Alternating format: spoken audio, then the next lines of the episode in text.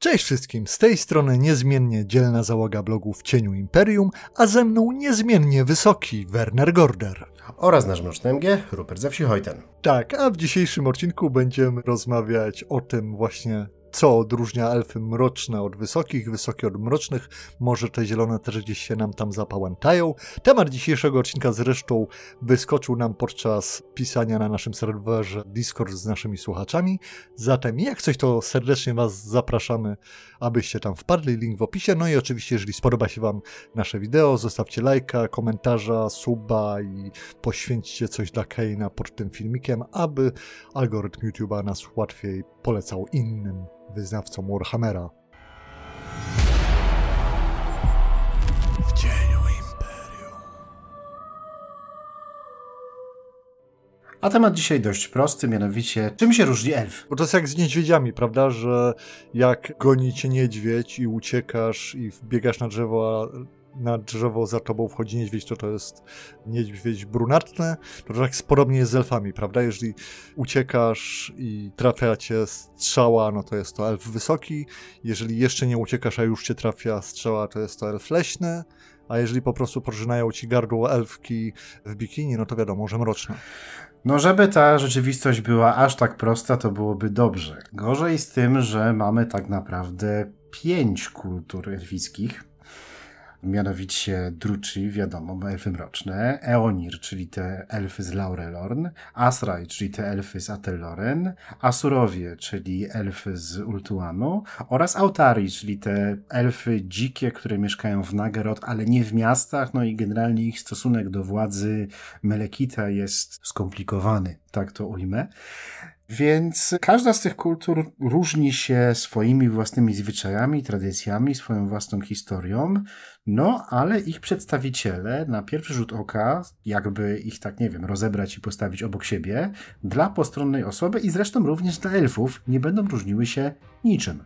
Tak, no tutaj niestety pierwsza rzecz, którą należy sobie powiedzieć, to nie są D&D-ki. Zresztą tutaj z pomocą nam też przychodzi podręcznik do armii do mrocznych elfów jeszcze z ósmej edycji Battle'a, w którym jest taki ciekawy fragment, gdzie właśnie mamy napisane, że Melekit tam znowu chcąc robić złe rzeczy na Ultuanie, zaradł swojej matki Morati, wziął i tam wyszkolił najbardziej swoich wiernych poddanych świątyni Keina, żeby się uczyli od tych asasinów na szpiegów i wysłał ich pojedynczo w kierunku Ulthuanu, gdzie oni tam tapiali się właśnie w życie na elfim kontynencie, zajmując się takimi pracami jak kowale, rolnicy, poeci itd., tak itd. Tak Więc po pierwsze, życie na Ultuanie jednak dla wielu elfów wygląda tak jak po prostu każdym innym feudalnym świecie, tylko magii jest więcej. A po drugie, tak, mroczne elfy bez problemu mogą udawać wysokie, znaczy bez problemu, jak chcą, bo fizycznie nie są do rozróżnienia, te różnice są czysto psychologiczno-kulturowe. I to się, z tego co wiem, przekłada też na wszystkie inne właśnie frakcje elfów, bo nie ma co tutaj mówić o rasach de facto. Tak, bo tutaj pierwszą taką rzeczą, którą wiemy z wszelkiego rodzaju podręczników jest przede wszystkim to, że wszystkie elfy pochodzą z Ultuanu, wszystkie mają wspólne dziedzictwo i wspólną do pewnego momentu historię i no, fizycznie wyglądają dokładnie tak samo, więc nie da się powiedzieć, że na przykład Drucci ma na przykład zawsze czarne włosy. No nie, nigdzie takiej informacji nie znajdujemy.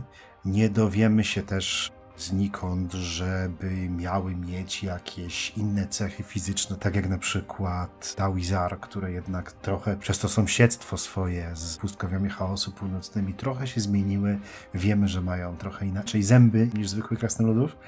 W związku z czym, no, no nie, no tutaj każdy elf, jeżeli będzie chciał, to będzie mógł próbować udawać przedstawiciela innej elfickiej kultury co dla zwykłych ludzi, którzy nie mają zielonego pojęcia o tym, jak wyglądała historia, jak wyglądały podziały, jak wyglądało Sundering i tak dalej, może przejawiać pewien problem w odróżnieniu tych żagli na horyzoncie. No i mogą dojść do wniosku, że jeżeli cokolwiek podpływa do tego wybrzeża Nordlandu, to lepiej po prostu uciec do lasu, ale nie za głęboko, bo wtedy też dostanie się strzał od. Tak, zresztą podobało mi się, jak e, autorzy Warhammera próbowali właśnie tak troszeczkę różnie opisywać te elfy w armii Bukach, a jednocześnie opisywać się no, tak samo z racji, że są taką samą rasą. I właśnie znalazłem fragment, gdzie są opisane witch elfki z perspektywy mrocznych elfów i są opisane właśnie jako wyjątkowo piękne, o porcelanowej skórze i dzikiej urodzie, co zdecydowanie je odróżnia od tych jakże dekadenckich i słabych, bladych elfek z Ultuanu. Więc dużo ładnych słów i tak dalej, ale nic z tego generalnie nie wynika, bo no, te wszystkie elfy są raczej znane z tego, że mają jasną karnację i o, o ile oczywiście w tych wszystkich e, ilustracjach i tam starają się pisać, że właśnie druci to są tacy bardziej bladzi, bo oni siedzą po ciemku w tym Land of Cold, ale no, wysokie elfy też są zawsze opisywane jako blade. Leśne nie bardzo też skąd mają się robić mniej blade, bo siedzą między tymi drzewami biedactwa. No i w zasadzie można by się spodziewać, że przy opisach morskich elfów, tak jeszcze nazywanych w pierwszej edycji Warhammera, no i tak, czyli tego wszystkiego, co tak naprawdę żyje z kolonii ultuańskich, czy de facto nawet dark elfickich, gdzieś tam na pomniejszych wysepkach i tak dalej, pływa na tych statkach, czy innych okrętach mogłaby być opisywana, jak to nasi marynarze są opisywani z tą skórą spaloną od słońca, ciemną i tak dalej. Na taki opis ja nigdzie przynajmniej nie trafiłem. Może ktoś coś ma, to niech podrzuci. No to prawda, natomiast wiesz, no też nie można tutaj całkowicie pominąć tego, że bądź co bądź, jeżeli spędziło się kilka dekad na morzu, no to ta skóra tych elfów, które są białe, no generalnie taką mają skórę, taki mają kontynent, to jest jednak północna półkula i te wyższe szerokości geograficzne, to jednak te elfy się opalą i to nie zależy od tego, czy są elfami tutaj, no, nazwijmy je ogólnie morskimi, czyli pochodzącymi z tych królestw Ultuanu, położonymi na zewnątrz, które trudnią się żeglarstwem, czy są korsarzami mrocznych elfów, Druci, no to tak samo się opalą na tych morzach południowych przez sam fakt przebywania tam przez kilka dekad, czy to właśnie na statkach handlowych, czy to właśnie we flocie, czy to Druci, czy to podlegającej pod flotę Króla Feniksa. Więc tutaj też nawet to nie będzie żadnym szczególnym wyznacznikiem. Tak, tak, znaczy brzmi to logicznie, żeby się opaliło, ale nie, nie natrafiłem na żaden taki opis, ani na żadną ilustrację, która nam pokazuje bardziej, no to fakt. bardziej opalonego elfa, no bo to prawda jest ta piękna idea już u zarania, że one mają być takie właśnie jasne, blad. No, no i tak już zostało. Zwykle mroczne elfy są opisywane jako te z czarnymi włosami, pomijając oczywiście łysielfki, które dla kontrastu mają białe włosy. Włosy elfów wysokich bardzo często są opisywane jako blond, złote czy coś podobnego. Tych leśnych wersji elfów no często trafiamy jakieś brązy i tego typu rzeczy, ale to wszystko jest prawdopodobnie statystycznie bez znaczenia. No i elfy mogą mieć też sposoby na to, żeby na to, co jest popularne w ich wersji elfiej cywilizacji, się do tego upodobniać, prawda? Dokładnie tak, natomiast jeżeli tutaj nie mamy żadnych różnic, jeśli chodzi o fizjonomię, no to zostają nam inne różnice, mianowicie różnice kulturowe. Różnice tego, w jaki sposób postrzegają swoich bogów i jakie akcenty kładą w tym zakresie. Mianowicie tutaj pod tym względem dobrze opisane mamy tylko elfy Asrais Atelloren, Asurów z Ultuanu i Druci z Nagarot. Mianowicie każda z tych kultur ma mieć swoją własną jakby mandalę tych wszystkich bogów elfickich, inny jakby porządek tego, których z tych bogów uznają za tych najważniejszych co nie oznacza, że nie uznają istnienia pozostałych, bo każda z tych kultur oczywiście uznaje istnienie całego tego panteonu, natomiast y, w zależności od tego, jaka jest to kultura, tak będą prezentowane akcenty i podkreślane właśnie różnego rodzaju akcenty i kolejność tego, jacy bogowie dla nich są najważniejsi. Ja mam osobiście takie wrażenie, że z tych trzech przykładów, którymi dysponujemy dzięki podręcznikom do bodajże ósmej edycji Battle'a, najbardziej zbilansowane jest to podejście Asra i Satelloren, którzy moim zdaniem starają się znaleźć w tym wszystkim jakąś równowagę, natomiast zarówno Asurowie i Druci ciążą w jedną stronę, Asurowie ciążą w stronę tych bogów, nazwijmy to umownie tych wyższych, tych takich niby światła dobra, starając się jakby zapomnieć o tej ciemniejszej stronie elfiej natury, tego, że również w nich tkwi ta ciemna strona, natomiast z drugiej strony Druci starają się podkreślić tą ciemną stronę tych bogów Synta i Miraj i tak dalej, którzy właśnie no, odpowiadają za te bardziej drapieżne, bardziej brutalne elementy, aspekty tego elfickiego życia, Przekłada się to oczywiście na ich kulturę później. No i na trochę problemy, bo ani jedno podejście, które podkreśla tylko tą lepszą, dobrą stronę nie jest zdrowe, tą jasną stronę, ani to podejście, które uwypukla tylko tą ciemną stronę też nie jest zdrowe. I dla samych elfów, i dla tych wszystkich innych kultur, czy to ludzkich, czy to krasnoludzkich, czy to innych rozumnych ras zamieszkujących świat Warhammera, no które wchodzą z tymi elfami w różnego rodzaju interakcje. Tak, to znaczy tutaj też trzeba dodać, że właśnie to różne podejście do tego samego panteonu to też jest wynik ewolucji, jak poszczególne frakcje elfiskie były opisywane na przestrzeni lat i edycji bo na samym początku to Dark Elfy były tylko na dobrą sprawę czcicielami Kane, na tym się skupiał ten opis. Oczywiście Leśne Elfy z kolei były w klimacie Oriona. Potem późniejsi autorowie starali się... Iliadriela. Tak, bardzo ładnie. Który potem wypadł w ogóle. tak. No ale później rzeczywiście autorzy starali się w miarę scalić to, żeby miało to sens, żeby pokazać, że to jednak jedna rasa, jedna, jeden gatunek, wspólne korzenie, które poszły w różne strony. Został im stworzony ten panteon i on rzeczywiście jest podkreślany na różne sposoby przez każdą z tych frakcji. O czym zresztą Werner swego czasu stworzył pewien tekst na naszym blogu, link jest w opisie wideo, możecie przeczytać, bo to tekst już trochę ma, ale myślę, że się nie zdestarzał, bo wszystkie rzeczy związane z elfami potrafią być dość długowieczne. No i rzeczywiście ta różnica religijna też moim zdaniem jest podkreślana również przez wydarzenia polityczne, bo wszystkie te frakcje na dobrą sprawę wywodzą się z takich albo innych wojen domowych czy rozpadów nazwijmy to Elfiego Królestwa i to są pozostałości po tym, co zostało po tych rozpadach. Chociaż też podoba mi się, można znaleźć takie fragmenty w Armibookach a propos wpływu chaosu na elfy. I o ile on oczywiście dużo mniejszy niż na ludzi, czy nawet na takie krasnoludy, bo tutaj wspominaliśmy o krasnoludach chaosu, które jednak no, zdecydowanie się różnią od tych zwykłych. O elfach natomiast mamy powiedziane, że on nie manifestuje się zanadto fizycznie, natomiast podkreślił pewne cechy psychologiczne, u danych ras i tak właśnie u mrocznych elfów jest to okrucieństwo i to dążenie do zwycięstwa za wszelką cenę u elfów wysokich to jest oczywiście zadufanie w sobie i narcyzm. Natomiast u elfów leśnych też zwraca się uwagę na to, że one się tak zamknęły, prawda, i udają, że świat poza ich lasem nie istnieje i jest taki izolacjonizm. No ale...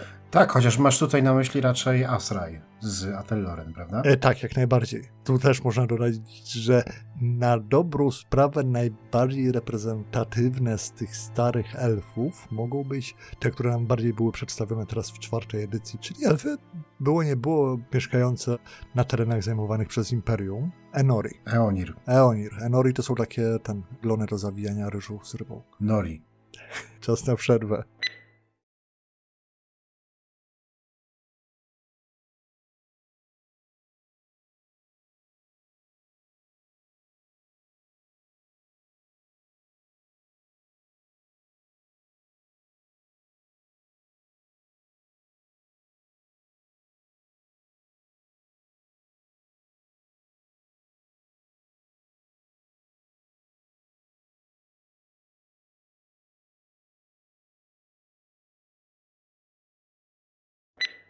Tak, mówiliśmy tutaj o tym, że z tych pięciu kultur elfickich takie najbardziej reprezentatywne dla tego, jak mogły wyglądać kiedyś elfy, mogą być właśnie elfy zamieszkujące Laurelord, czyli elfy, które nazywają same siebie Eonir. Tak, no ponieważ to są pozostałości tego imperium elfiego, które nie uciekło z powrotem na Ultron, nie zamknęło się w sobie, nie poszło w ten izolacjonizm.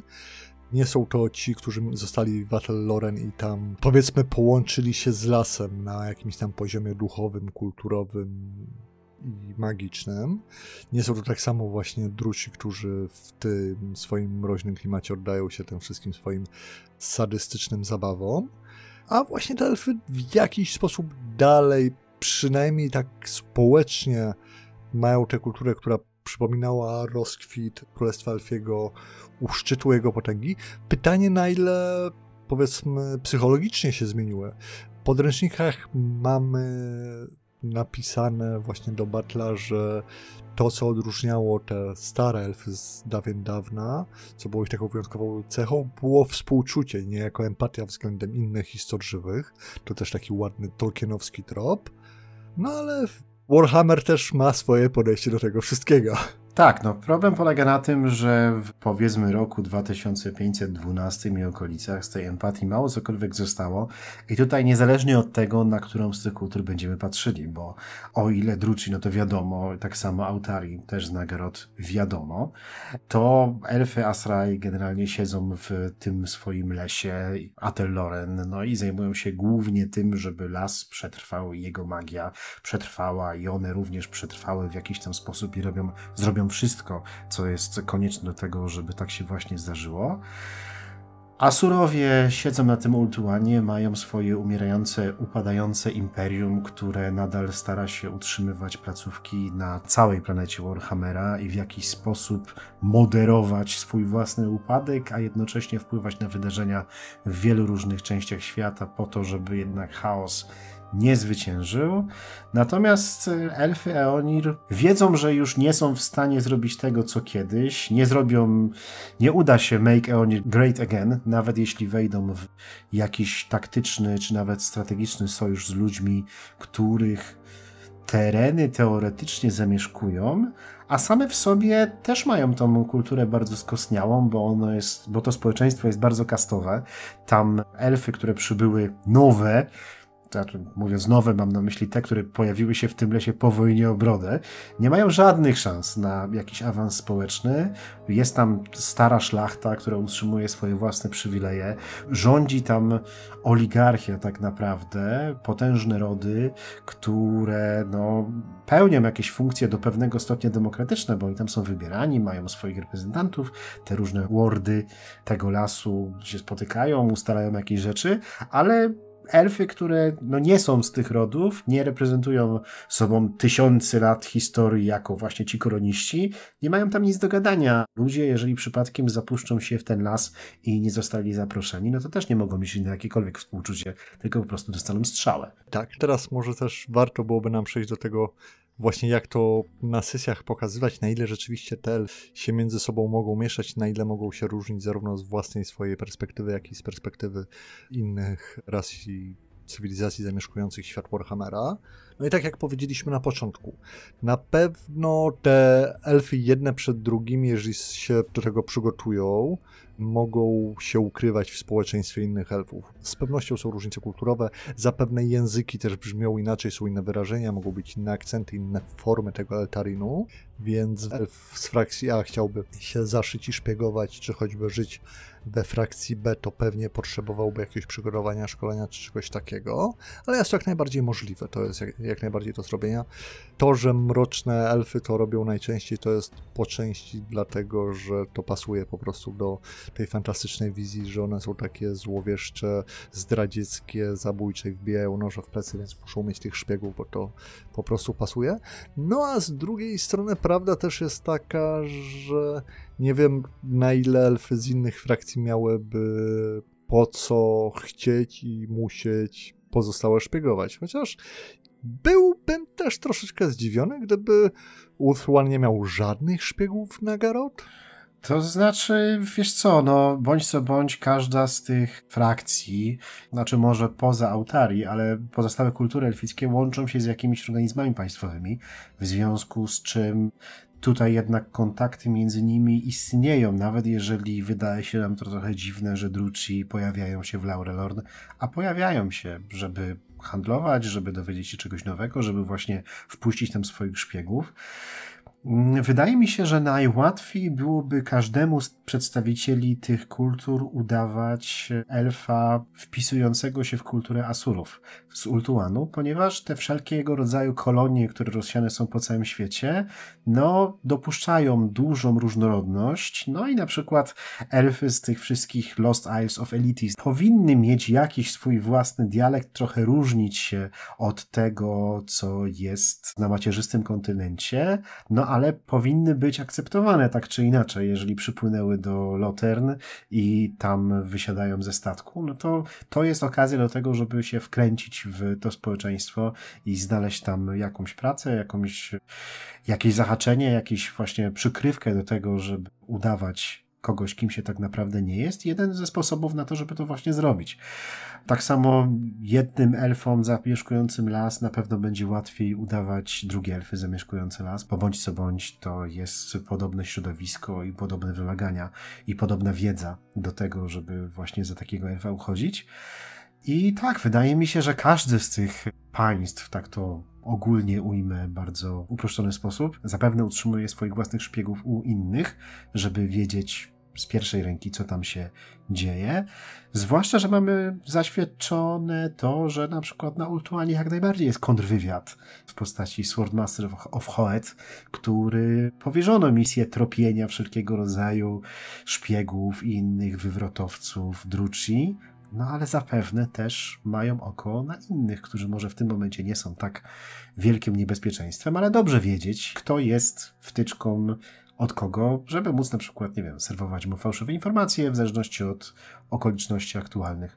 Więc no takie gry wywiadów na pewno tutaj między nimi również są. Jeżeli elfy w Warhammerze nie są znowu aż tak bardzo różne od ludzi, więc tutaj wydaje się to być logicznym. Tak, no dlatego pamiętajmy o tym, że Ult One to jest bodajże 12 królestw, które się między sobą dość różnią na tyle, na ile to Battle był w stanie rozwinąć i z ich perspektywy, to znaczy z perspektywy tych wewnętrznych królestw, tych, które są w środku tego obważanka, to te zewnętrzne królestwa to już są takie peryferia i trochę wiocha, a z perspektywy tych zewnętrznych królestw wszystko, co jest poza samym kontynentem, to też już jest tak, wiecie, jaki elf by nie przypłynął, to jest takie patrzenie z góry, no bo oni gdzieś tam z prowincji, czy to tam Cytadela Zmierzchu, czy Świtu, czy nieważne, no gdzieś tam przyjechali, bo tam pradziadek 8 tysięcy lat temu wypłynął w podróż, no i teraz przypływa coś takiego. Czy to wie, jak łuk napiąć, czy to wie, jak wygląda prawdziwy smok? No ciężko powiedzieć, na jakieś takie przypłynęło. Nie? Wydaje mi się, że tutaj poruszyłeś e, ważny temat, bo to akurat moim zdaniem elfów z poszczególne kultury elfickie nie odróżnia, natomiast no jest to jakaś tam pycha do pewnego stopnia rozwinięta, do różnego stopnia rozwinięta. Wiadomo, że elfy no, są aroganckie i uważają, że są po prostu lepsze niż inni. Najmniej to zapewne przejawiają elfy Eoni z Laureon, które są po prostu otoczone ludźmi i wiedzą doskonale, że bez tych ludzi sobie nie poradzą, więc muszą to jakoś ukrywać, albo nawet może się niektóre tego naprawdę pozbyły. Natomiast jest to nadal jakaś rzecz, która znowuż łączy te elfy, a nie różni je między sobą. Tak. No i teraz oczywiście jeszcze pozostaje pytanie, że wychowani na tych wszystkich batlach i total warach, no to wiemy jak armie poszczególnych frakcji się prezentują. Na pierwszy rzut oka można to oczywiście rozróżnić, bo tu zielone kolory i, i listki, tam błyszczące zbroje, a tam wszystko jest ostre i ciemnofioletowe. Pytanie, na ile w fikcji świata, tak jakbyśmy próbowali to przedstawić, ma to miejsce. W sensie na ile, wiesz, taki właśnie żeglarz na marienburskim statku widząc sylwetkę i żagle na horyzoncie jest w stanie powiedzieć o, to elfy takie albo takie. Zakładam, że to, że statek jest elfi, to rozpozna, jak już jest doświadczony żeglarz, bo ta ich technologia powinna być inna, powinna się różnić. No ale na ile, wiesz, jest w stanie przewidzieć różnice i w ogóle spodziewać różnych zachowań i podobnych rzeczy. To znaczy, wiesz, moim zdaniem, jeżeli odrzucimy tutaj takie przypadki całkowicie skrajne, jak na przykład Czarną Arkę, która jest pływającą wyspą tak naprawdę, z własnymi dokami i tak dalej, o której zapewne wszyscy słyszeli, że to są tych złych elfów, i inne statki czy okręty, które ciągnięte są przez smoki, mroczne od razu hydry z głowami i tak dalej, i tak dalej, jeżeli to odrzucimy i mamy po prostu statek, który wygląda na elficki, to moim zdaniem tylko najbardziej doświadczeni żeglarze, którzy coś widzieli, byli świadkami jakiegoś ataku, będą w stanie rozróżnić, czy to są te elfy, z którymi mamy kosę, czy to są te elfy, z którymi nie mamy kosy. Natomiast no też nie zapominajmy o tym, że tacy druci, którzy właśnie, no ludzie mają z nimi kosę, generalnie druci mają z wszystkimi kosę, to tacy druci mają być podstępni i tak dalej, w związku z czym bardzo często przebierają się w zdobyczne zbroje, pływają na zdobycznych statkach, niekoniecznie pływają pod czarnymi żaglami, żeby z daleka ich było widać. Jeśli chcą zasiać strach w sercach przeciwników, to pewno wykorzystają czarne żagle, no ale jeżeli chcą podejść kogoś, żeby się nie spodziewał tego ataku, to zapewne tego nie zrobią i wezmą białe, bo czemu właściwie by nie miały zrobić. Więc wydaje mi się, że ludzie po prostu nie znając tej różnicy i nie mogąc tego w łatwy sposób określić, będą na dzień dobry podejrzliwi wobec każdego takiego elfa. I tutaj mówię tylko i wyłącznie o tych ludziach, którzy mieli możliwość w ogóle poznać tą różnicę, bo powiedzmy, nie wiem, mieszkają właśnie nad brzegami jakiegoś morza, czy są bardzo dobrze wykształceni, coś słyszeli, liznęli jakąś wiedzę, przeczytali coś gdzieś w jakichś starych księgach, że są takie elfy, które nam pomagają i są takie elfy, które najeżdżają, dajmy na to, północne wybrzeża Imperium i że jest między nimi jakaś różnica. Natomiast dla przytłaczającej większości ludzi zamieszkujących cały kontynent, ja nie mówię tutaj tylko o Imperium, ale również o Bretonii czy o Tilei Estali, to to po prostu będą elfy, którym nie powinno się ufać i to jest elficka robota. Jeżeli mają przed sobą strzały, no to powiedzą, no tak, ludzie tak nie konstruują strzał, to jest elficka robota, ale żeby określić to tak po prostu, jaka to jest, skąd, gdzie, nie ma szans moim zdaniem. Tak, tym bardziej, że wiesz, cała kwestia wojny domowej elfów nie jest czymś jakoś generalnie znanym wśród ludzi.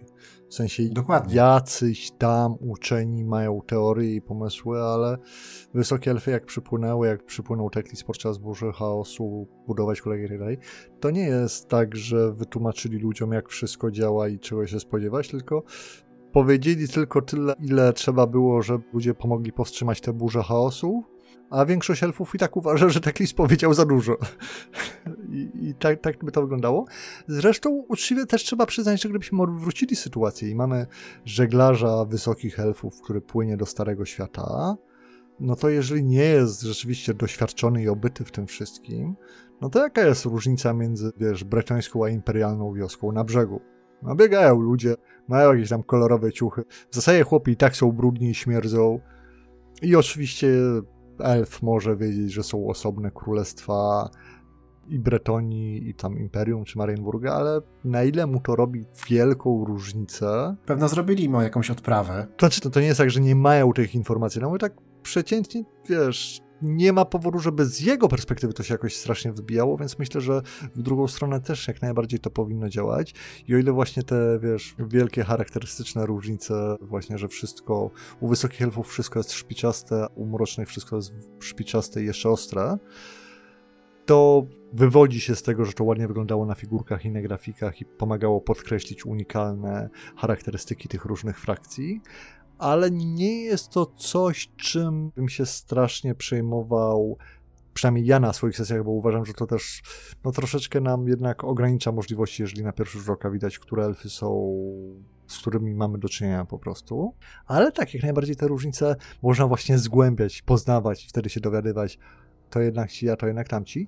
A przecież można złożyć takie sytuacje i mamy ku temu podstawy, że to nie jest tak, że wysokie elfy na przykład zawsze będą przyjaźnie nastawione i pomocne. To nie jest tak, że mrocznym elfom zawsze się będzie opłacało przeszkadzać nam obiektywnie, tylko mogą używać nas do swoich celów i z jakiegoś tam powodu jednak. Pomóc to jest duże słowo, ale jednak w tym kontekście, prawda? Wiesz, to też nie jest tak, że druci obiektywnie są niezdolni do tego, żeby się uśmiechnąć i udawać kogoś, kim nie są.